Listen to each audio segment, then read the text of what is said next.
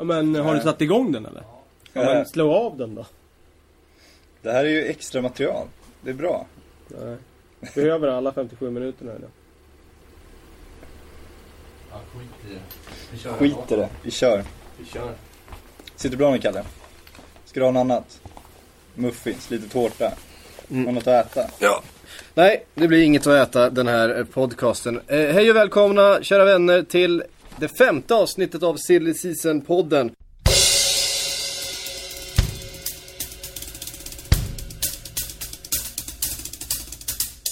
Det här är ett eh, garanterat matfritt avsnitt. Det var inte den bästa idén vi någonsin haft att eh, sitta och tugga mat. Det var gott. Ah, inte ens det skulle jag vilja påstå. På dig hette det i och för sig Sik att om det inte var lunchpodd så skulle det inte ha varit någon alls.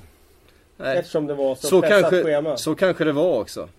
Och nu Det- kommer Kalle in från sin semester där. Det visar skillnaden mellan er två engagemang här. Precis. Och det Den- syns på Kalle att han har semester. Ja, han har, ja det spelar ingen Han har shorts. Det kan Ja, man ha när det är podd. Jag att, måste eh, citera Jimmy Jaber. Han ser ut som en neongrön liten godis. Pralin sa han. Pralin, sa. Pralin. Ja. Det tycker jag Ja, alltid men du ser ut som Kalle bra för sig. liknelse. Ja, absolut. Om vi lämnar Kalles eh, pralinkvaliteter så jag måste bara, jag måste bara få börja med att säga Joe Kinnear. Vilken jävla människa. What the fucking champion. Ja, alltså vad säger Newcastle-supportrarna?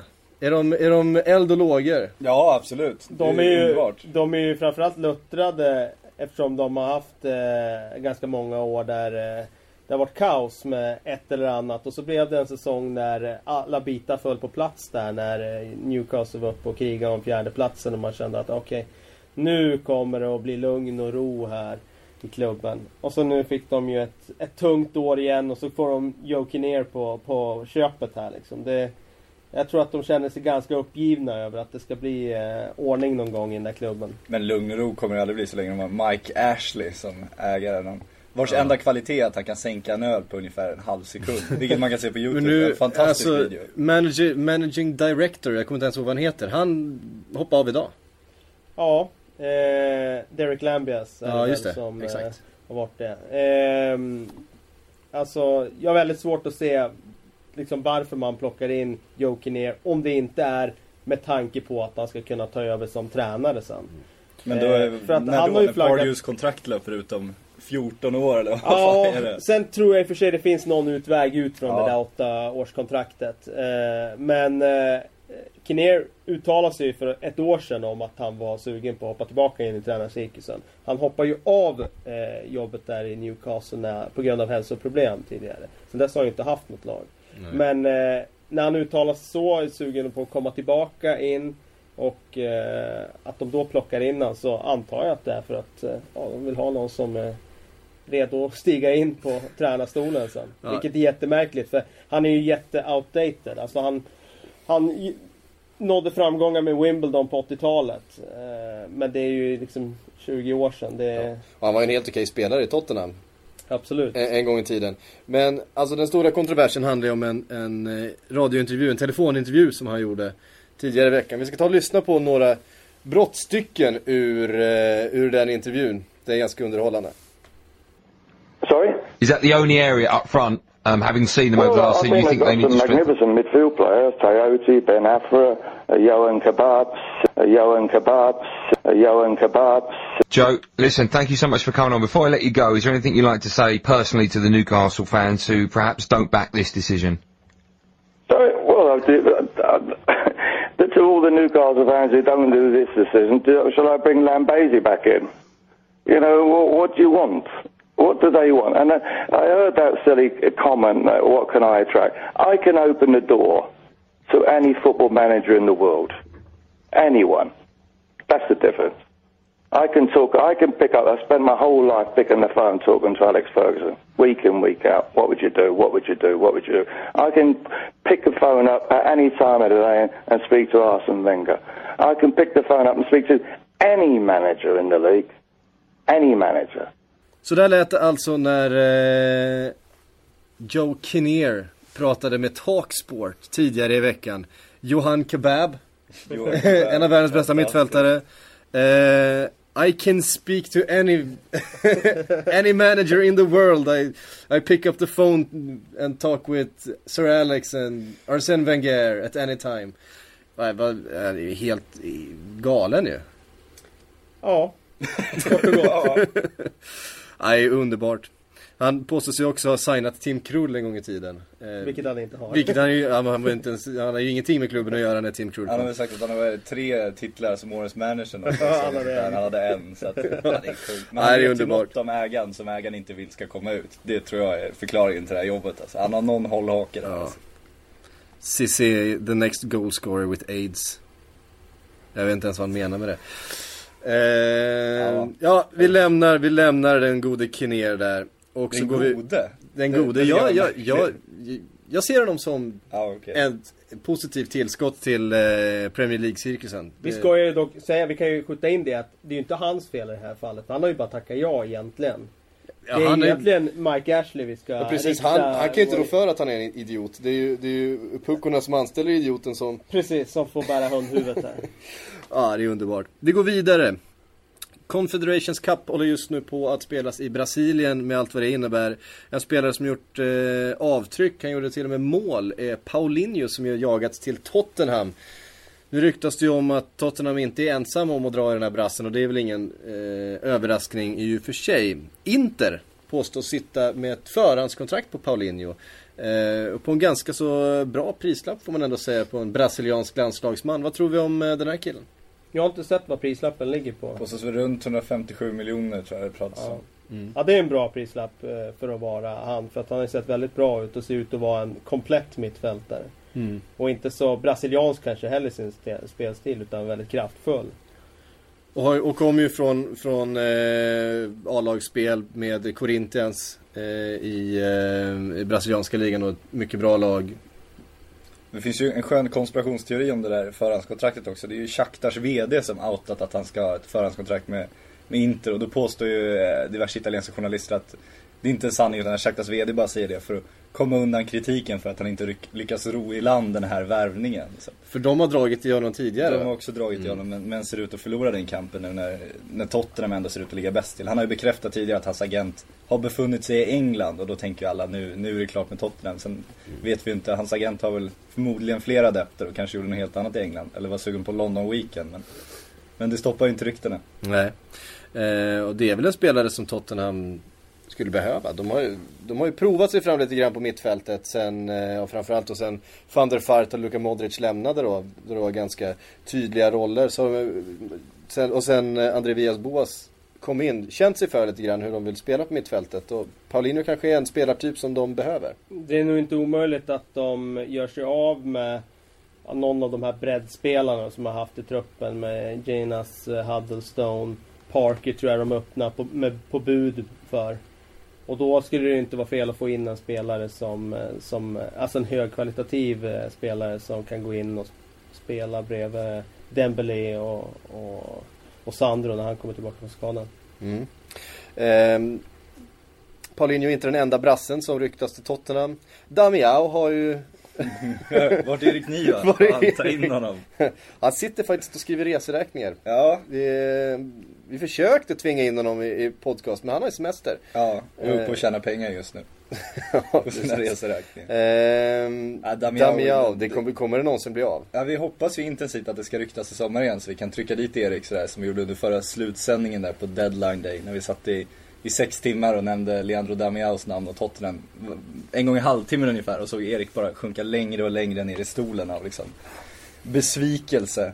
Så att, eh, nej men det, det känns som Damiao eh, någonstans har, hans rykte är större än hans spelkvaliteter. Det har väl gått så långt så att hans prislapp kanske inte motsvarar hans egentliga värde nu. Så att, eh, Och det, de här ryktena om Damiao, de dateras ju tillbaka till före André Villas Boas eh, var tränare också. Så det är inte alls säkert att, att han har samma syn på spelaren som eh, nej, det är väl le- legat kvar ända som de skulle ha Joao Moutinho också som ju försvann till Precis. Monaco nu istället. Där också kanske prislappen steg lite högre än vad, vad spelarvärdet var egentligen. Problemet för Tottenham är att de är ju så desperata efter en anfallare så att... Eh, och de försökte ju stenhårt i januari med att få in den verkligen. Så att Det känns som att de skulle ta en bara på ett namn idag liksom. De, de kanske inte får sitt första val men de skulle, de skulle ta någon ändå. David Villa då? Ja, det, Det är också ett, ett, eh, annat rykte. Eh, ett rykte till, till Tottenham. Ja. Men man vet ju hur det är med Tottenham så de väntar ju till sista dagen på, på Exakt. fönstret. Det är ju, det är ju inte alls omöjligt att han, eh, att han skulle ta det steget med tanke på nu hur Barca har förstärkt och med tanke på hur Barca vill förstärka. Jag menar nu rycker de i Mata också här nu. Alltså, det kan bli ganska trångt om platserna där. Ja. Eh, ganska hög lön på Via. Mm. Han skulle väl i så fall bli Tottenhams bäst betalde spelare då om Bale försvinner. Samtidigt har han ju en, en skadehistorik nu och har inte imponerat i Barcelona så att någonstans får man ju gå ner i lön också och kanske byta till sig några andra fördelar. Som att få spela då, vilket han ju kanske inte kommer få i Barcelona. Lite skraj för en sån värvning också. Han är Ja, inte jätteung heller. Jag tror han är född 81. Mm. 32 i år. Det, Fantastisk ålder. Ja, visserligen. Men, eh, men eh, det är liksom... Du får ut ett toppår till kanske av han och sen börjar han dala. Fördelen nu om du får dem väldigt, väldigt billigt då så kan det ju vara bra att pumpa ut ett toppår som spelare. Det finns ju många klubbar som gjort det med stor framgång. Just tagit de här äldre spelarna som ingen, ingen riktigt vill ha och fått Absolut. väldigt mycket för pengarna. Det gäller att få han billigt då. Exakt, det är det det handlar om. Vi stannar i norra London. Vi lämnar David Villa men, men en annan anfallare från Spanien. Han är inte från Spanien men han spelar i Spanien. Eh, som det ryktas extremt mycket om och det är Higuain till Arsenal. Eh, och det är ju ett väldigt spännande rykte för att det är ju i alla fall tror jag en spelare som eh, skulle kunna fungera alldeles utmärkt i ett, i ett lag som Arsenal. Eh, Ja, det ser ju ut att vara ganska nära nu faktiskt. det Det, påstås nu det är ju ingen annan som, som riktigt ryktas eh, Ja, Juventus ska ju ha, vara mer eller mindre överens med Gonzalo själv, men vägrar möta då Reals krav. Och då ska Arsenal ha klivit in och, och lagt den prislapp Real vill ha, om man ska tro alla rykten. Eh, och frågan är om de kan övertala Higuain själv och, och ge upp den här titelgarantin han skulle få i Juventus ändå. För att gå till Arsenal då.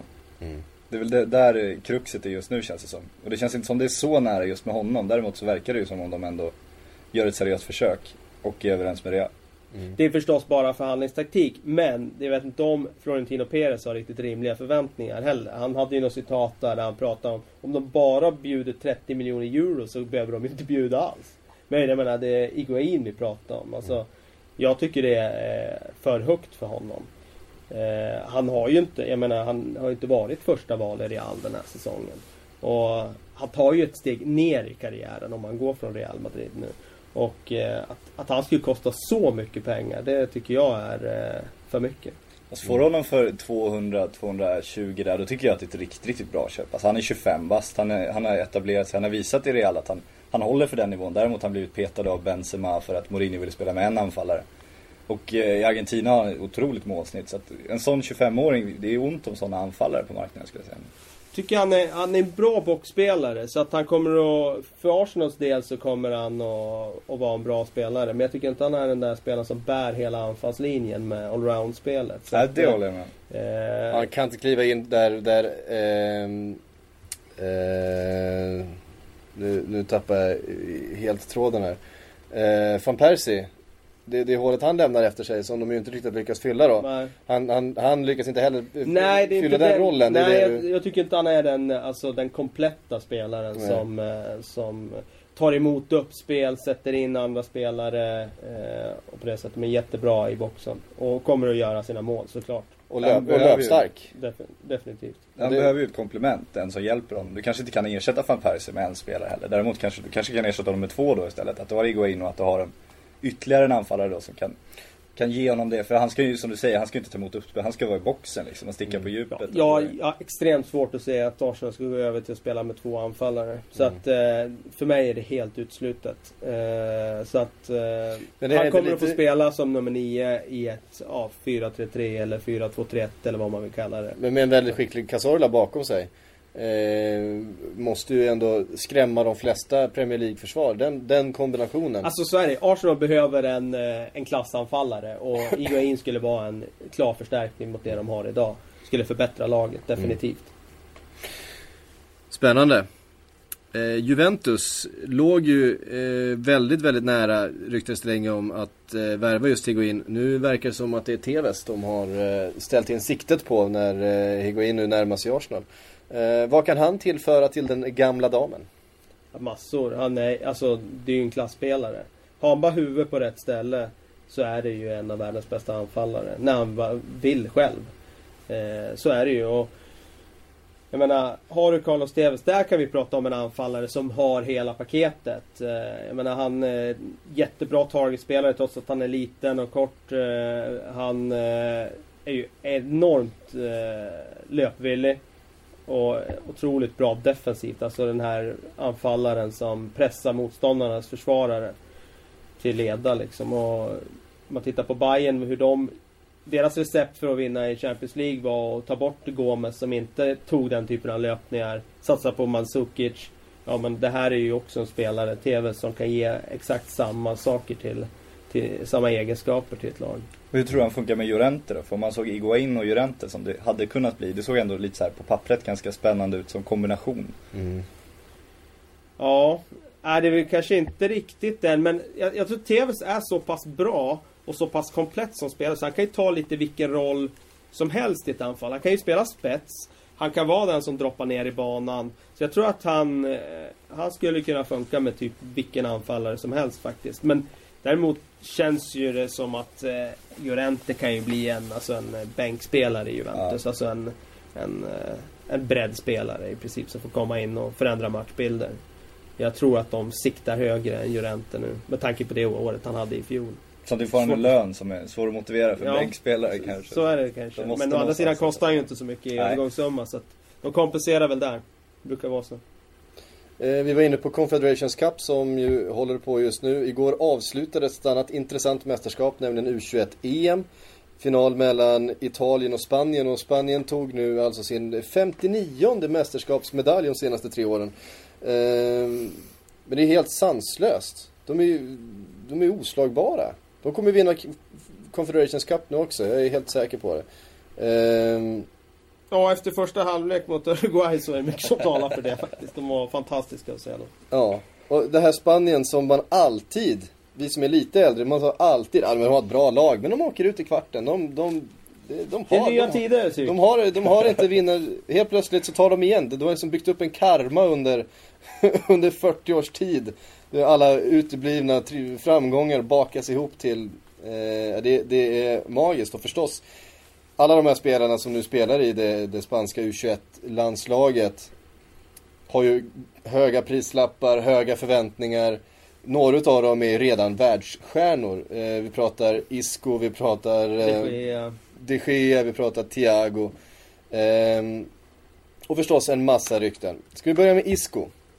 Som ju gjorde en succé under säsongen här i Malaga. Eh, det har ju pratats om eh, Real och City. Han skulle följa med Pellegrini till City. Har väl det som egentligen har legat närmast till hands även om Real eh, hela tiden har påstått att det, det, är deras nästa Galactico tillsammans med Bale då. Eh, nu har han gjort succé i U21-EM. Helt plötsligt så dyker Chelsea upp och säger att fan, det, där är ju en, det där är ju en spelare vi kanske skulle kunna använda. Eh, ja, vad tror ni? Det finns, sen finns ju de här pengaklubbarna, Monaco och PSG som, som skulle kunna hosta upp egentligen hur mycket pengar som helst om de har bestämt sig för att det, det är vår framtidsnamn.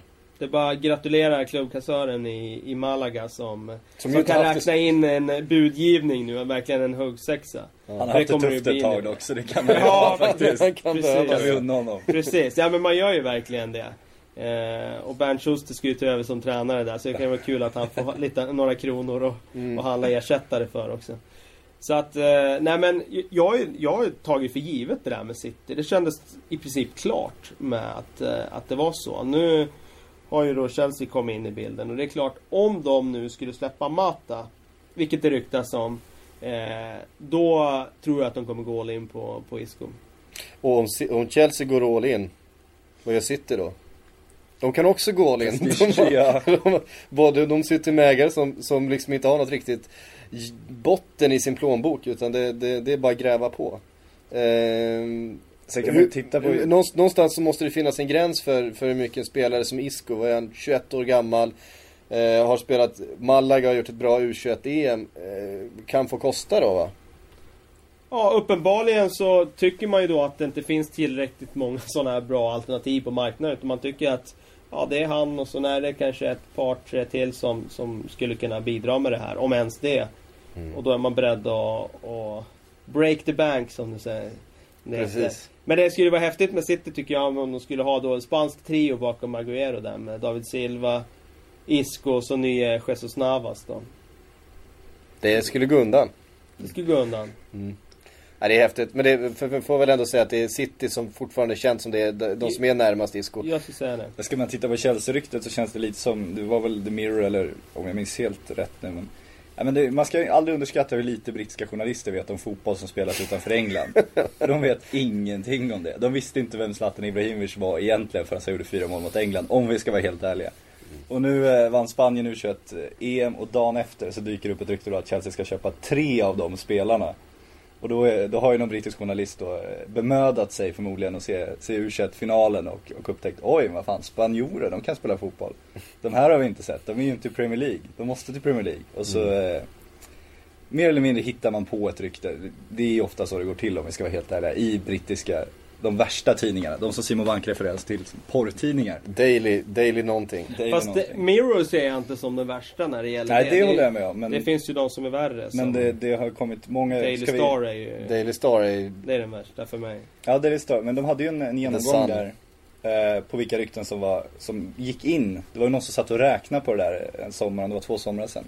Hur många rätt tidningarna fick. Och då var ju The Sun längst ner, sen hade du ju Daily Star, sen hade du The Mirror. Det var liksom bottenblocket Ja, där. just det.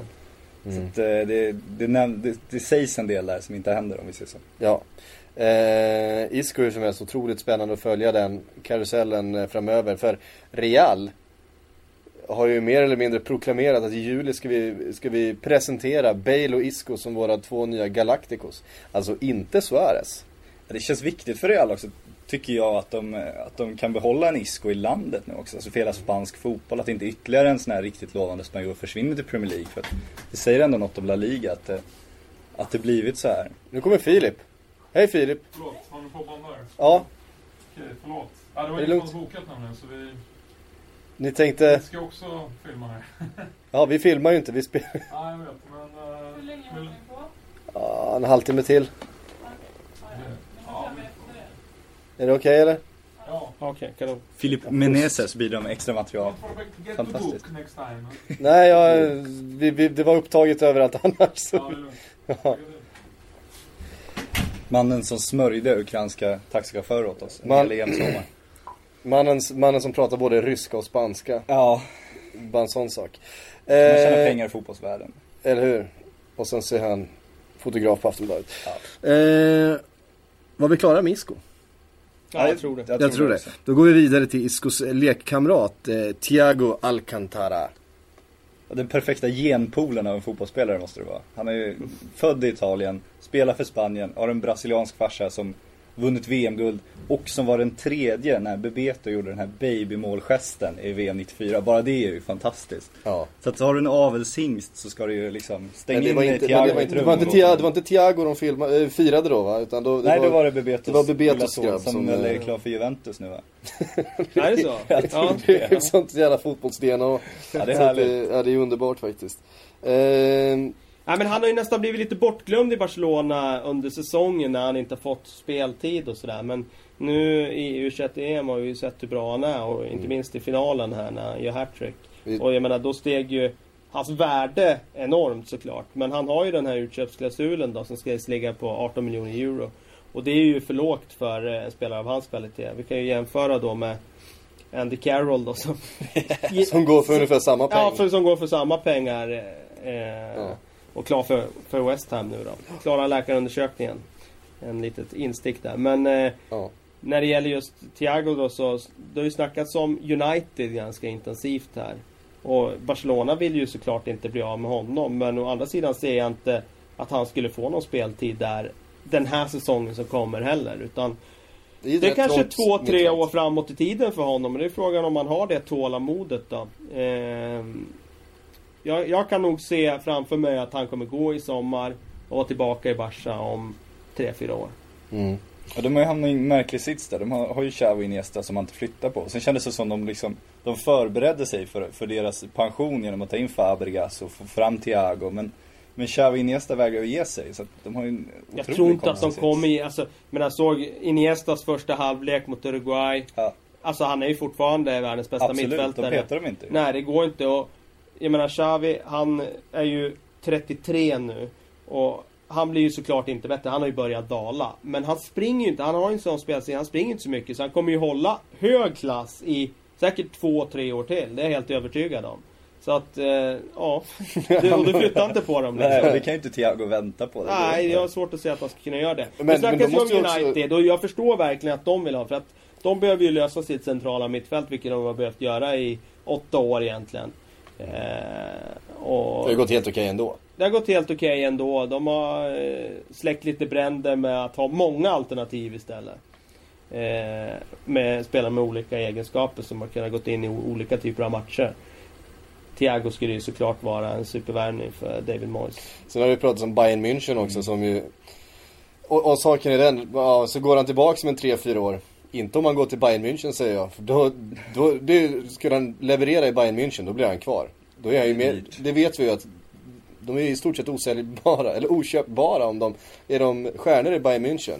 Då kostar de för mycket. Fast det är skillnad på en, på en tysk och spanjor också tror jag. För tyskarna, det, det största som finns för dem är att lira i Bayern München. Så att de, de kommer ju aldrig göra sig omöjliga Barcelona. i Bayern München. Är en tysk alltså? Det är en tysk, ja München. exakt. Ja, men för en spanjor är ju inte det största att spela i Bayern München. Så att en, en Javi Martinez skulle kunna gå, han också, så ja, småningom absolut, tillbaka. det tror jag också. Men, eh, men de har ju en tuff utmanare i Bayern United där. Framförallt eftersom Pep ju tränar Bayern München också. Så att, eh, Men det är samma sak där. Jag menar, skulle han gå till Bayern München, jag ser inte var han ska in någonstans Nej. i den elvan. Utan de har ju Toni Kroos som offensiv central mittfältare. När han inte spelar, ja men då kom Thomas Müller in och var helt magisk i vår här. Eh, och var ju ansedd som en av Bundesligas bästa spelare den här säsongen. Så att jag tror inte det är rätt karriärval för Thiago att göra heller. Utan eh, han bör gå till eh, en klubb där han är en given starter. Och det, det skulle han vara i United. Han skulle gå in i startelvan där, Mm. det tror jag. Intressant, intressant. Är det någon annan spelare som ni, just från 21 EM som ni tycker har... Det finns ju då Stråtman förstås. Ja, det har ju Eh, varit en som, sån det, här... Ja, som det ryktas mycket om. jag, jag ska erkänna, jag har inte kollat så mycket på U21-EM. Jag, jag har varit ledig nu så att jag har faktiskt passat på att göra andra saker än att kolla på fotboll. Tror det eller ej, men däremot så är jag finalen. Gör du andra saker? Nej, inte ofta men jag tränar ju ett fotbollslag också. Du, spelar, Det- du har ju spelat fotboll istället. Ja, det, det tar en del tid. Så att, eh, fritiden brukar jag gå till fotboll också. Eh, nej, men när det gäller Strottman så har ju han varit eh, högaktuell för flytt i flera år. Det var ju snack redan för ett par, tre år sedan om, om honom. Och det känns väl som att det är dags att, att lämna trygghetszonen nu i, i, i Holland och, och ta det där steget nu. Mm. Vad tror du? Jag vet inte om han är tillräckligt bra för att gå till United som det ryktades om däremot. Nej, och det, det är lite tyst på ryktesfronten nu för att man riktigt ska tro att det är något på gång. Det var ju där. Han gjorde ju han gjorde ett par dundermatcher i, i, i EM. Och då är det klart, då drar ryktena igång. Ja. Eh, vi får väl se vad som händer där. Det är ju... Eh, holländare brukar ju vara lättrörliga. Samtidigt så känns det som man inte har den respekt för holländska ligan man en gång hade. Så att om du, om du imponerar väldigt stort i holländska ligan innebär inte längre att du går rakt in i Premier League. Vi lämnar eh, U21-EM och vänder oss till Sverige. Vår kära kollega Marcus Vulkan droppade en bomb igår kväll. David Moberg Karlsson till Sunderland. Vad är det som händer? Jag menar, Vulkan skulle- fick ett utbrott. Ja, men det var- ett vulkan, nu. jag menar, det, med, det, det pratades ju om att han skulle lånas ut liksom för att han skulle få speltid någon annanstans. Och skulle han då gå för 15 miljoner till Sunderland? Och det verkar ju, det verkar ju ligga någonting i, i där. Det verkar ju vara sant. Ja, vi litar på Vulkan. Vi litar, vi litar på Allra Vulkan. högsta grad. Eh, ja, vad säger vi om det? ja Sunderland eh, Har scoutat. har scoutat den svenska marknaden tydligen. De har, de har haft svårt att hitta rätt anfallare med undantag av Steven Fletcher. Mm. Eh, så de eh, vände sig uppenbarligen till den svenska marknaden och, och eh, pekaren stannade på, på en ung spelare i IFK Göteborg som inte riktigt har eh, rosat marknaden där. Målmässigt. Två mål i år Ja, precis. på tio starter. Ja, det är ju inte siffror som meriterar en flytt i Premier League. Däremot är han ju lovande och kan säkert bli något. Och, jag menar, prislappen är ju så pass låg så att de har ju råd att...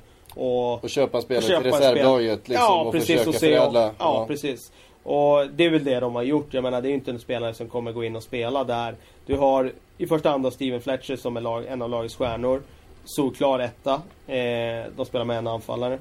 Du har Danny Graham bakom. Du har Connor Wickham som tredje anfallare. Blev ju vald till bästa spelaren i U21-EM för några år sedan. Var ju anställd som en av Europas mest lovande anfallare då. Ja. Har ju inte Uni- alls- United var jättenära att signa när han, lite överraskande, valde Sunderland faktiskt. Man trodde, han var helt, man var helt säker på att han skulle hamna i en stor klubb. Eh, Men, men tyckte själv att nej, men Sunderland skulle ge mig lite mer speltid, skynda långsamt sådär. Vilket de inte har gjort och det säger ju någonting också om hur svårt det är att etablera sig. Jag menar, det är en, det, det är en lovande spelare, jättebra djupledsspelare, stor, stark. Men han, han har ju inte alls tekniken och touchen för att etablera sig idag på den nivån. Och då har det svårt att se att Moberg Karlsson ska kunna göra det. Så att eh, det, det är en lång väg till, eh, till en elva i Sunderland. Vi räknar inte med så många Premier League-starter då.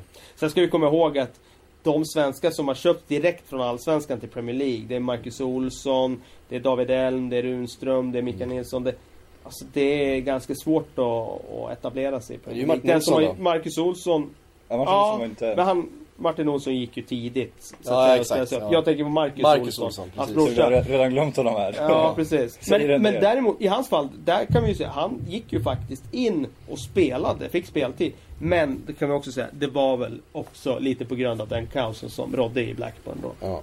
Men gjorde det helt okej. Gjorde det helt okej efter sina förutsättningar, över förväntningarna definitivt. Men Moberg Karlsson känns ju som, jag förstår inte hur han tänker alls. Det känns som det dummaste karriärsteg han kan ta nästan. Alltså okej att han kommer till, till ett bra utvecklingsställe säkert och får lira. Men han kommer, ju- han kommer ju inte få spela A-laget. Det kan vi nästan slå fast. Utan det blir ju reservlaget och förmodligen en utlåning då till Championship kan man tänka sig. Och, och den osäkerheten och det klimatet i England. Alltså jag, de svenskar det gått bra för, det är de som stannat i Sverige tills de är tillräckligt bra för att gå rakt in i en startelva någon annanstans. Om du inte lämnar som ungdomsproffs. Jag tror ju på det här och tar det här mellansteget till Holland Ja. och sånt där. Alltså det, det är inte så dumt att göra det. Faktiskt. Ja, vi har väl egentligen en som har knallat direkt från, från Allsvenskan till eh, England och gjort, eh, gjort succé. Det är Fredrik Ljungberg. Mm. Men Då, ska, då snackar vi om en exceptionell talang. Alltså Ja. en sån talang som Sverige får Och fram. en färdig landslagsspelare. Dessutom. Vad är då- som hade är då? dominerat mot England i, i, i, eh, Det EM-kvalet. är då de får upp, liksom. det är då de får upp ögonen för Ja. spelare. Så är Men då är han ju. dominant i Allsvenskan, då är han ju tydligt färdig med Allsvenskan. Ja. Ja, David Moberg var, Karlsson, okej att vi var där på all, den här allsvenska resan i, i våras och då när vi, när vi frågade liksom så här, vilka kommer få sitt genombrott i år? Alla sa liksom David Moberg Karlsson, hela, hela IFK. Mm. Men han har ju inte, han har inte gjort något större avtryck i Allsvenskan än. Och då gå till Premier League, det, det säger sig självt. Det, det, det känns inte som något varken logiskt eller bra steg. Men vem vet? Han kanske, det kanske blir tre skador. Han får chansen att Precis, göra och som sagt, vi ska ju betona, han är ju köpt för framtiden. Så Ja. det är ju en framtidsvärvning. Laul hade väl en teori i sin blogg där, att de har sett hans, hans spetsegenskap som är hans snabbhet där. Som är väldigt svår att få tag på, just det steget. Det är väldigt, väldigt få som har det. Och då tänker de, det här är billiga pengar. Vi ger honom några år och så om man har kvar det klippet och utvecklar andra grejer så har de ju ett superkap där. Nu har Sunderland två sådana anfallare med, med riktigt bra steg här. Connor Wickham och Moberg Karlsson. Ja, Ja, det det, heter om fyra år, Ja. då jäklar. Exakt. Eh, får vi se ifall eh, Sebastian Larsson Han har inte det steget. Han har inte riktigt det steget. Finns där och slå bollarna till dem. Mm. Eh, det, det är väl mer hans uppgift. Han har inte haft någon supersäsong i år. Eh, kan man ju inte säga. Flyttats runt, bytts ut i eh, skrämmande många matcher. Han har startat men fått, fått lämna. Han beskriver själv som sin sämsta säsong någonsin och det, Det ligger, Det väl, någon, ligger väl någonting i det, det. det kan vi absolut köpa. En annan svensk som eh, sägs vara klar. Samuel Holmén till Fenerbahce. Ja, han är klar till och med. Han är klar. Ja, absolut. Det- Väldigt intressant. De Fenerbahce är en jätteklubb. Det, det ska vi inte eh, ta ifrån någon att det, det är en... Han seglar ju upp då som en av de, de svenskarna som, som verkligen befinner sig i en stor klubb. Och vi måste ju Eh. tipsa om bildserien på Fenerbahces hemsida också från läkarundersökningen som är helt fantastisk. De har en kort text bara där det står att han de undersökte hans näsa, hals, mun, öron. De går igenom precis vad de gjort. Och så finns det då bilder när han sitter, sitter och tittar in och de kollar hans ögon. Och så finns det en bild när läkaren sitter och tittar in i hans öra. Och det är helt fantastiskt. Otroliga bilder. Ja. Eh, vad tror du nu? Kliver han rakt in i en startelva i Fenerbahce? Jag har svårt att se det, men jag har lite för dålig koll på Fenerbahce. Han har ju, han har, han att- har, ju, han har ju faktiskt eh, arbetat till sig en ganska så bra status i Turkiet. Ja, jag har förstått det. För jag blev förvånad över att han fick ta det här steget Mm. till en stor klubb. Men uppenbarligen då så har han ju gjort det så pass bra i var ju Istanbul han spelade tidigare va? Ja. Ja, Eh, BB. ja, BB. Eh, så... Han har ju... Ja, men jag har för dålig koll på... Jag vet ju bara de stora namnen i Fenerbahce och det är klart att det är... Jag har svårt att säga att han går in och plockar Meireles plats liksom, eller Nej. Dirk Kuyt liksom. Men jag har lite för dålig koll på de andra. Ja, men första frågan när han kom till Fenerbahce var ju liksom hur känns det att komma hit som en stor stjärna? Så att de har ju gått in tungt och de har ju, det är bara att kolla deras hemsida kan man få en, en liten uppdatering om hur de ser på honom. För det, det är tre nyheter i rad om liksom går igenom steg för steg då. Här, här är han eh, på väg in, här klarar han läkarundersökningen, här är han klar för klubben. De pumpar ju verkligen Samuel Holm. Han har ju själv också liksom varit lite frustrerad. Han gör, han liksom, men fan jag gör, ju, jag gör ju succé här borta, det är ingen som tittar. Hallå Hamrén! Jag, jag, jag gör ju hur bra som helst ifrån mig här. De skriver om mig hela tiden. Vad fan, varför får jag inte spela i landslaget? Alltså sådär. Det, det har ju kommit, han har verkligen, verkligen låtit desperat i intervjuer ibland. Och, och han har väl antagligen gjort en mycket större succé än vi, vi Har svenska journalister jag, har förstått. Jag erkänner, jag har ju, för mig har han gått helt under radarn. Ja. För han har ju spelat liksom i klubbar som, eh, ja men i- ligor där liksom, där man inte har haft eh, ögonen på liksom. Men det syns väl även på Hamrén kan jag tycka att vissa Vissa ligor som den, som den turkiska hade inte riktigt haft riktigt koll på tidigare. Även den italienska kan jag tycka med Albin Ekdal. Däremot hade han ju stenkoll på Holland när, när Wernbloom och Elmken rakt in och liksom har cementerat sina platser i landslaget. Även fast de är ju ryska nu då. Som Beror på ju- vilka kanaler han har på TV. Ja, Vilka han kan ratta in och se liksom. paket han har. Ja, Ja, men det är, det är de höjde priset på paketet där på serial liksom. Nej, nej. Flytta till TV4 Sport Extra där. Exakt, även Antonsson kan jag tycka är ett sånt exempel på att han kanske inte har sett så mycket italiensk fotboll. Vilket inte så många andra heller gör i Sverige längre tyvärr. Eh, någon som däremot... Eh, Men kan vi kommer- peta inom landslaget här så kan vi säga att Elm och Wernbloom borde ju börja bli riktigt oroliga nu när, när Albin Ekdal imponerar i Serie A. Om nu Samuel Holmén får spela och göra det bra i Fenerbahce, då är det frågan om det inte är dags för ett skifte där. Mm.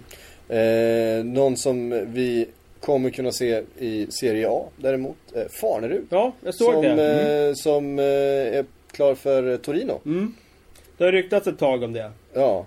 Jag har eh, lite för dålig koll på honom också. Han har ju också varit under radarn I de Young senaste Boys, eh, tio åren höll jag på att säga. Ja, men liksom, Supertalangen ja som försvann verkligen. Mm. Man minns ju när han kom fram hur otroligt talangfull han Ja. var.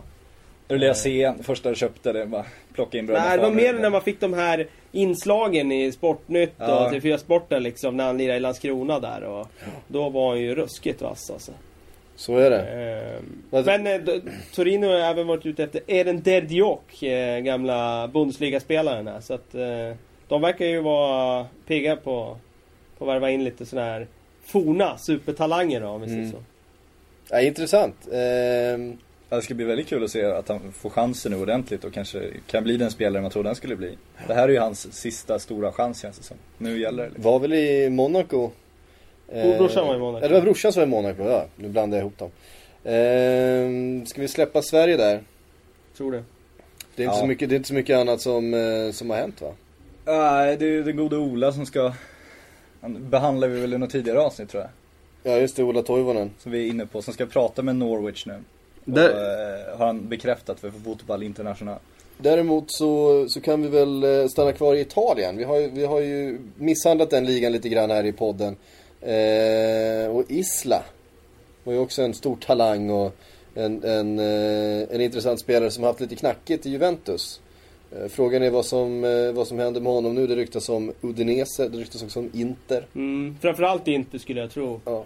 Eh, han vill ju förbättra sina chanser då med VM och komma i form till dess. Och han har ju inte eh, fått spela så mycket i Juventus. Och, jag menar konkurrensen är ju hård där så det är inte så konstigt. Men nu kommer ju Masari till Inter, vill förändra spelsystemet, eh, plocka in sin trebackslinje och det är klart att han kommer ju försöka värva, handplocka spelare som är eh, passar i det systemet. Och Isla har ju, känner ju väl till det. Han, han liksom spelar ju i en i ett 3-5-2 system i Udinese förut. Så att eh, det är en sån där typ av värvning som eh, jag kan tänka mig att Masari är ute efter. Mm. Det var någon som frågade på Twitter och föreslog ämnen vi skulle prata om. Och då skulle vi prata om just Masari, vilken typ av spelare som han kommer vilja ha. Och det, jag tror att det kommer vara spelare som är Alltså som har erfarenhet av att spela i 3-5-2 system. Mm. Eh, så till exempel fick han välja en, en högerback så tror jag han skulle plocka Cristian Maggio till exempel från, eh, från Napoli som är en perfekt wingback. Men ingen bra fy, liksom högerback i en fyrbackslinje. Mm.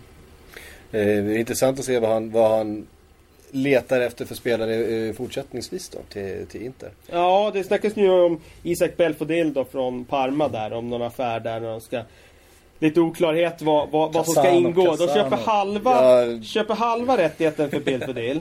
Och sen ska de låna ut Casano och Silvestre på något sätt. Det är Och, väldigt... få, och, och, och betala 10 10 miljoner euro. euro dessutom. För halva rätt. Det, det låter som en italiensk Ja, uppgörelse. det är en här, riktig så här- Kanske italiensk. peta in lite av Casanos lön där kan man tänka också. för den lär ju inte Parma kunna lyfta själva bara. Så han kommer ha liksom en blå strumpa, en, en röd strumpa. Han är Antonio Casano. Han, han gör som fan han vill alltså. Casano, De får ju Casano får göra och vad. Donadoni som tränare och jag menar det... Det, Det kan ju bara bli succé. det kan bara bli succé. Ja, det Så är att, underbart. eh, En spelare som ryktas från eh, Italien förstås. Vi har pratat om det tidigare. Cavani lämnar väl med all sannolikhet Napoli eh, den här sommaren. Frågan är om det blir eh, Chelsea eller om det blir Real. Det hetaste nu är ju Real Madrid faktiskt. Eh, Samtidigt som Chelsea förväntas komma med ett bud inom de närmaste dagarna här. Ja, att det det kan ska- hända mycket. Ja. Men det, det, det senaste jag såg i alla fall var ju att Napoli hade mm, liksom gett önskemål om att de vill ha in Kedira och Morata i, i, som eh, liksom delbetalning där. Och eh, då ska de acceptera det och sådär. Vi får väl se. Morata också en av U21 hjältarna för Spanien då från, eh, från igår.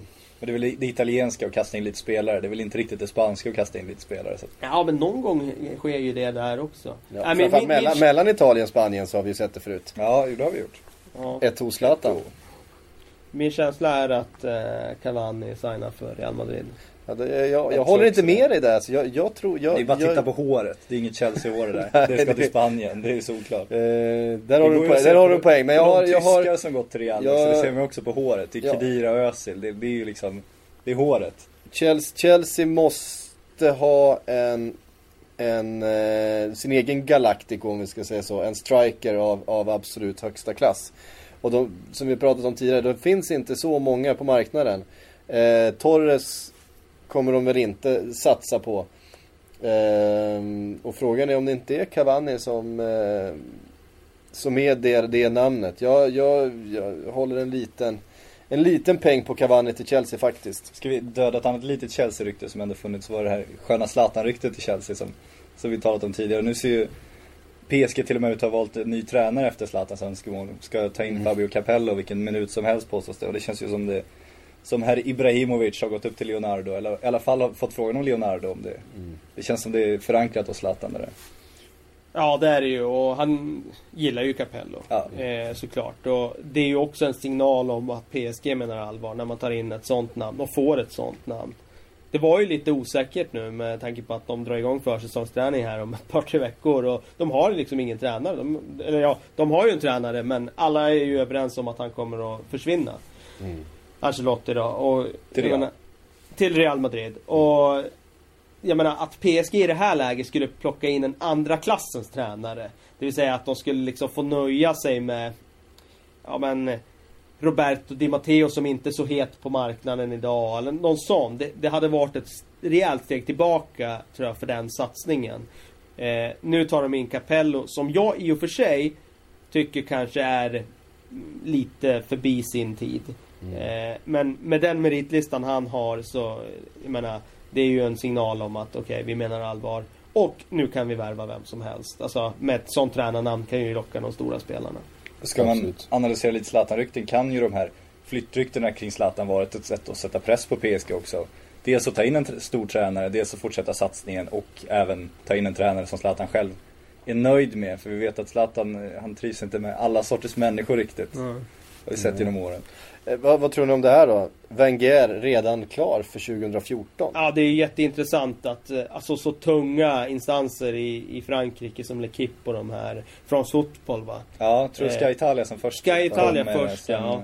Så men att de går ut eh, och rapporterar det. Det, det är ger ju ju lite mer substans Det är ju det anmärkningsvärt verkligen att, att Wenger, liksom Arsenals eh, Ja, Ja. alltså eh, skulle liksom på förhand, långt liksom utan att veta hur nästa säsong slutar och så här, skulle ha liksom skriva för ett projekt som PSG där, han, där, där, där mycket skulle handla om, om, om stora, stora värvningar liksom, och mindre om spelsystem och fotbollsfilosofi. Eh, Men jag tror att det... Någonstans kan man ju också se att eh, han har ju jobbat på sitt sätt nu i så många år i Arsenal. Det kanske är så att den här eh, liksom envisa gubben någonstans känner, kom till en punkt där han kände att ja men nu vill jag testa att jobba på ett annat sätt. Och kan han få en större utmaning än liksom komma tillbaka till sitt land och få den här klubben som har hur mycket resurser och bygga upp den också från grunden. För då kommer ju han ta ett helhetsgrepp. Och jag menar, akademin är ju en av de mest ansedda i Frankrike. Men de spelarna som har kommit fram där har de ju slarvat bort genom åren. Men då med Wenger så skulle de ju kunna både då plocka in eh, stora stjärnor men också säkert få en jättebra snurr på, på ungdomsverksamheten. Och hans status i Frankrike är ju enormt hög. Trots att han har varit i England i så många år. Han det är ju den det mest prestigefyllda tränaren du kan värva som en fransk klubb, tveklöst. Ja, Han är, ju, det- han är ju vad Sven-Göran Eriksson var för Sverige när Svennis var som störst. Så. Ja, precis. Det- eh, det så man- det, det är ju en, det är verkligen en, en namnvärvning för, för, för en fransk sportchef att, att kunna få in en Arsène Wenger. Det, Italiensk det, fransk sportchef. ja, som är avstängd ett halvår. ja. Även det som talar för också kan vi säga att Wenger, han var ju, när han fick frågor om PSG-ryktet så sa han ju rakt ut, jag har alltid respekterat mina kontrakt och jag kommer inte sluta med det nu. Han är ju en sån som, som spelar ut sina kontrakt. Så att, eh, att han skulle ha gjort klart med PSG nästa år känns inte, inte helt otänkbart. Däremot kan man fråga sig om Capello accepterar att vara vikarie ett år. Får nog rätt bra betalt för att vara vikarie Förmodligen. Samtidigt så hade han ju rätt bra betalt redan. I Ryssland, det är ju klart att han hade det, ja. där. Så att det, det är där, det är där det känns, känner jag, att man kan så här, det är där man börjar tvivla på att det skulle stämma det här. Det har ju pratats lite grann om Goose Hiddink också. Men det, det känner jag också. Han har ju själv sagt att han inte vill ha ett tränarjobb utan att han vill ha ett sportchefsjobb. Och jag känner lite om, om man har kommit upp i den åldern som man själv känner att ah, men jag vill inte stå och leda liksom dagliga liksom verksamheten. Är det då rätt att ta in en sån som uppenbarligen inte brinner lika mycket för det eller känner att man inte orkar eller så? Jag sätter ett frågetecken där. Mm. Eh, vi återvänder lite till England och vi hoppar lite fram och tillbaka. Tillbaka till, till Chelsea och så vi var inne lite grann på det. Eh, Juan Mata. Och jag måste säga att jag var inne på det redan i vintras. när Vi pratade om det här att eh, sättet för Barcelona eh, om de ska genomgå den här generationsväxlingen då. Det har inte riktigt funkat med Fabregas. Thiago har inte riktigt fått chansen. Vi har sett att Barcelona inte kommer upp i nivå på samma sätt som de har gjort tidigare år. De behöver en, till exempel en Juan Mata snarare än att bara eh, hoppas på att den egna akademin ska, ska fortsätta leverera de här superstjärnorna då va. Och det verkar ju som att de, de lyssnade på mig när jag, när jag, satt, när jag satt och pratade om det. Ehm, därför, att, Ödmjukt sagt. därför att, ja, men jag utgår ifrån att, Ja, allt, att allt jag säger, att allt jag säger Sillypodden är ger, stor i Spanien. ger, ger ekon ut i fotbollsvärlden. Ehm, ja, men som att Juan Mata är, är det namnet som Barcelona nu efter att ha signat Neymar eh, lägger full kraft på. Eh, och vad skulle det? Det skulle vara fullständigt förödande för, för Chelsea känns det som. Så bra som har varit den här säsongen. Eh, både ja och nej ska jag säga. Eh, Juan Mata, jag har otroligt höga tankar om honom. För mig var det en, en av Premier Leagues absolut bästa spelare den här säsongen. Det är ju ett geni. Och jätteviktig för Chelsea. Men det verkar ju faktiskt vara så att, som att se Mourinho har kommit till klubben och ja, i hans planer så kanske inte Juan Mata har samma självklara position och status. Han vill förändra till ett 4-3-3 som är, han är har ju alltid varit en 4-3-tränare, Mourinho. Och I ett 4-3-3 så finns det ju inte den där uttalade nummer 10-rollen. Och det är möjligt då att kanske att Mata inte, nu är, han är ju anpassningsbar men det är ju där jag tycker att han passar allra bäst i en central roll där han får styra. Och möjligt då att Mourinho kanske har någon annan spelare i tanke som skulle passa bättre i hans system. Eh, däremot så ser jag faktiskt inte varför Barcelona vill ha honom idag. För att det är inte den spelartypen jag tycker att Barcelona ska behöva idag. För jag menar, de har eh, så många spelare som vill ha så jättemycket boll i det laget. Och eh, att ta in en till sån spelare Ja, då, Nej, då, det- då skulle jag gå in och, och peta en, eh, en Iniesta till exempel. Inte eller- känns Och det det att de skulle han inte. lägga Det- honom på vänsterkanten Han då? Att de har insett att de inte ska ha en anfallare på vänsterytten utan att Ja, det ska vara en mittfältare. vänster eller högerkanten Ja. liksom som någon form av eh, alltså ytter som går inåt i plan och får, får, får styra spelet därifrån. Men jag tycker inte det är den spelartypen Barcelona vill, behöver utan de behöver ju en, en riktigt rivig djupledslöpande spelare. Eh, en Suarez eller en, Mm. eh, en eh, Samuel Eto'o när han spelar på kanten eh, eh, ibland. Eh, den Det känns- typen av spelare. Ja, men det känns jag som det varit så här Barcelonas akilleshäl kan jag tycka. Just vänsterkanten, de försökte peta in Henri där, det, det gick så där tycker jag. De försökte flytta David Villa där, det gick inget bra heller. Och det känns som de har satt anfall, det känns som de ska ha en, en mittfältare men med mer djupledsgående egenskaper som du säger. De har ju Pedro till höger som jag ser nästan som, Ja, men det är ju- som det är en ju- ytter mer ja, än en anfallare precis. också. Det har ju funkat otroligt bra för Ja. dem. Och det är ju en sån till En, en sån vänster. rollspelare tror jag att Ja. de skulle må bra av att ha. Sen är det klart, jag menar Matt är ju så begåvad. Alltså, så, det är ju en klassspelare liksom. Så att det är klart att han skulle vara bra i Barcelona. Men tror inte riktigt det är den spelartypen som eh, de i första hand ska titta på. Så jag är lite förvånad över det ryktet. För det, det, det, det Jag håller tror, i sig inte, det riktigt. jag tror inte att det blir någon affär heller. Utan jag tror att Isco går till City. Och eh, Chelsea tror jag inser att eh, Juan Matas växer inte på träd. Så att vi ska nog behålla honom när vi ändå har en sån spelare i truppen. Ja, och tittar man på Barcelona nu, de försöker ju skära ner sina utgifter, rädda upp sin ekonomi och de har redan varit tvungna att gå in tungt på Neymar då. De behöver en mittback, det vet de. Så att, att de då skulle lägga de pengarna på Juan Mata för att fylla en lucka som kanske inte är en så, så stor lucka som de har i mittförsvaret känns, känns osannolikt. Plus att de måste vara en målvakt inom ett år. Precis. Eh, vi tar en liten vända till United också. Nani. Eh, svårplacerad. Eh, har ju inte Ja. haft någon, någon speciellt lyckad säsong. Eh, var otroligt bra i perioder för två säsonger sedan. Ja, på hösten då. Sen var ju Eh. faktiskt väldigt svag på våren då. Så att det är ju ett och ett halvt år han har underpresterat egentligen.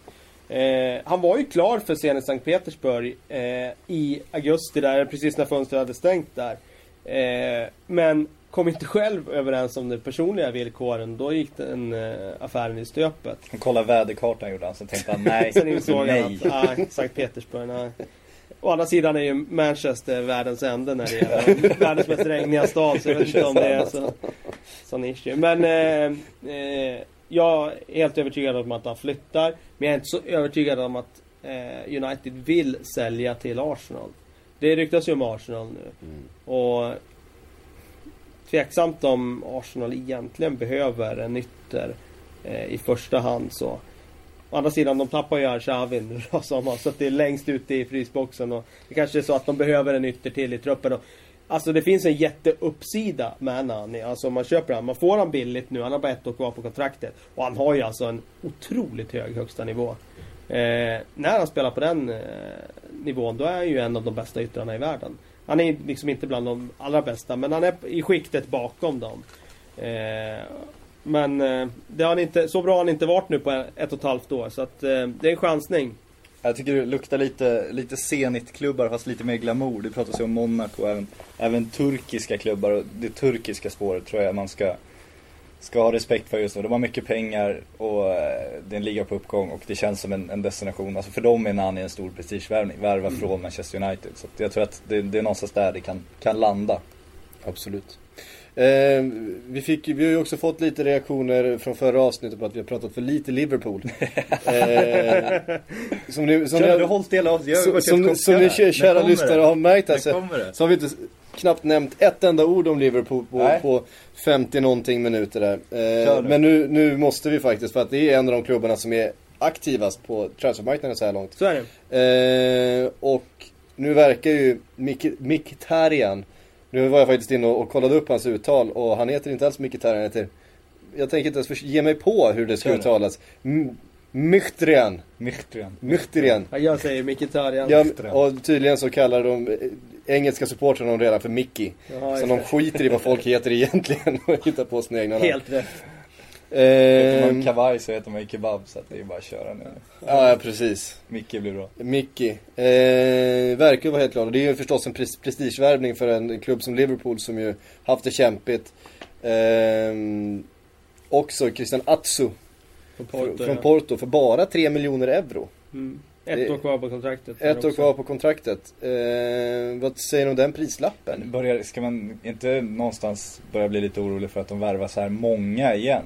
Är det, de ska Ja. ju bygga nytt, de, det känns som de hade någon slags grund och någon slags idé men det, det fylls på med otroligt mycket spelare. Det är ju viktigt att, att de värvar klassspelare också. Och Mkhitaryan är ju, det är ju, alltså det är ju en prestigevärvning. Det är en tung värvning. Och det är ju en spelare som går ra- rakt in och förstärker laget. Så att eh, värvar de en Christian Atso så hoppas jag att de levererar, eh, att det inte stannar med Mkhitaryan som eh, alltså klassspelare.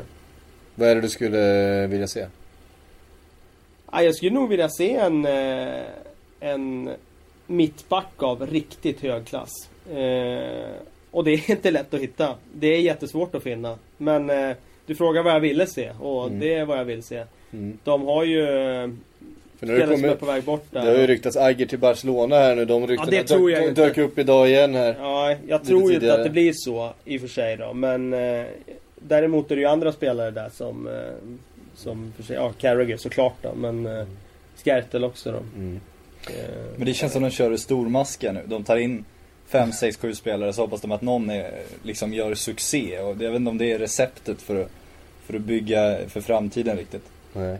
Vi får väl Däremot se. är ju Simon Mignolet känns ju som en vettig värvning. Alltså han Exakt. har ju nu i ett par tre år visat i Premier League att han är en klassmålvakt. Och Reina verkar ju vara sugen på att testa något annat. Så att eh, om det blir nu i sommar eller om det är nästa sommar han går, det vet vi inte riktigt. Men eh, att eh, plocka in Mignolet känns ändå som en helt okej värvning. Och Reina, där kan man nog prata om Barcelona ändå. Ja precis, han har ju stått där. Han har stått där med kan akademin, det känns som en riktig sån Om han hade varit lite, lite, lite bättre nu så hade han ju varit, stått i Barcelona redan tror jag. Ja nu stannar ju Valdes ett år till Ja. där och så att säga. Hade han gått som han deklarerat att han skulle göra så hade ju säkert Reina flyttat med all säkerhet i sommar. Ja. Och Carroll. Lämnar nu. Andy. Succéåren i Liverpool bakom Ja. sig. Eh, för 15,5 miljoner pund till West Ham och dunderlön och tjofaderittan. Eh, ja, vad ska man säga om det? Han har gjort en bra säsong i West Ham ska man Han har gjort eh, bra vår i West Ham och eh, alltså med tanke på hur de spelar eh, Allardyce som tränare och så vidare. Så det är klart att han har ju ett högre värde för West Ham än vad han hade haft i en annan klubb. Och det är klart att det är en jättestor investering om man tittar på 15 miljoner pund, sen 30 miljoner sett över det här sexårskontraktet. Alltså vi pratar ju en halv miljard kostar den här investeringen. Eh, för en spelare som har gjort, vad gjorde han, sju mål i ligan den här säsongen. Det är klart att det är jättemycket pengar men eh, de ser väl att de får ut andra värden av honom. Eh, med det sättet de spelar på. Han får ju mycket skit för att han inte lyckas i Liverpool men fan Ska man vara helt ärlig så Andy Carroll är ju en av världens bästa spelare om man bara ställer honom i straffområdet, skickar in bra passningar på huvudet på honom. Då, då är han riktigt så med Newcastle. Han har ju en spetskompetens som väldigt få, som, som väldigt få i världen har. Alltså, Ja, vi såg ju. England, mot England, England-Sverige förra sommaren hur vi var helt, han, Han han plockade ju- varenda boll som Ja, kom där. Det var helt omöjlig. Eh, Ja, där... Eh, vi får helt enkelt bara säga som det var. Det, vår apparat slutade fungera. Minneskortet var fullt. Vi fick förflytta oss till en radiostudio i närheten för att bara summera det vi har pratat om den senaste timmen. Vi, vi var inne, det är Andy Allt Carroll. ja, precis. Eh, levervärdena kraschade. Ja men vi måste, då kan jag bara summera ihop lite med att eh, Jag såg ett jävligt roligt rykte här. Niklas Bentner till Eintracht Frankfurt. Ja. Eh, Allt som har med Niklas Bentner att göra är ju väldigt roligt. Jag tycker att de påstår att det fanns fem olika bud på honom. Det tycker jag också var fantastiskt. Vil- Vilka liksom? Är det Sleipner då som kliver in eller? Man, man undrar ju. Karlstad United. Kanske Kalles lag, inte. ja det är alltså vi, Tveksamt om vi är intresserade ens. Ja, vad heter det? Du måste nämna det. Gamla Karlbergaren. Gamla Karlbergare. Robert Laul, en eh, tung anfallare. Inte Eh, tung på många sätt. Har inte gjort en enda spelminut. Nej, men han tränar inte. bra. Ja. har han gjort. Träningsprodukt. Eh, Med det så ska vi helt enkelt bara runda av. Jag som har pratat eh, först och sist heter Patrik Syk. Följ mig på Twitter, heter Patrik Syk där också. Med mig har jag haft Patrik Sjögren, han heter Sjögren Patrik. Fyndigt nog på Ja, Twitter. funderar länge. eh, och så Kalle Karlsson förstås, vår eminente Premier League-bloggare och fotbollsexpert. Vår pralin som ska till Vässan nu. Vår pralin som, det deklarerar han på väg till radiostudion att han ska hem till Vässan. Eh, Som har semester, som ändå kom in Som har semester. Ja, ja, Fantastiskt. ja, det är underbart. Eh, följ honom, han heter Kalle Karlsson. Skriv till oss, hashtag Sillypodden på Twitter. Ja, vi hörs nästa gång. Ja, med Liverpool då. Med, med ett eh, bättre minneskort. Med ett bättre minneskort och med mer Liverpool hoppas vi. Ja, hej.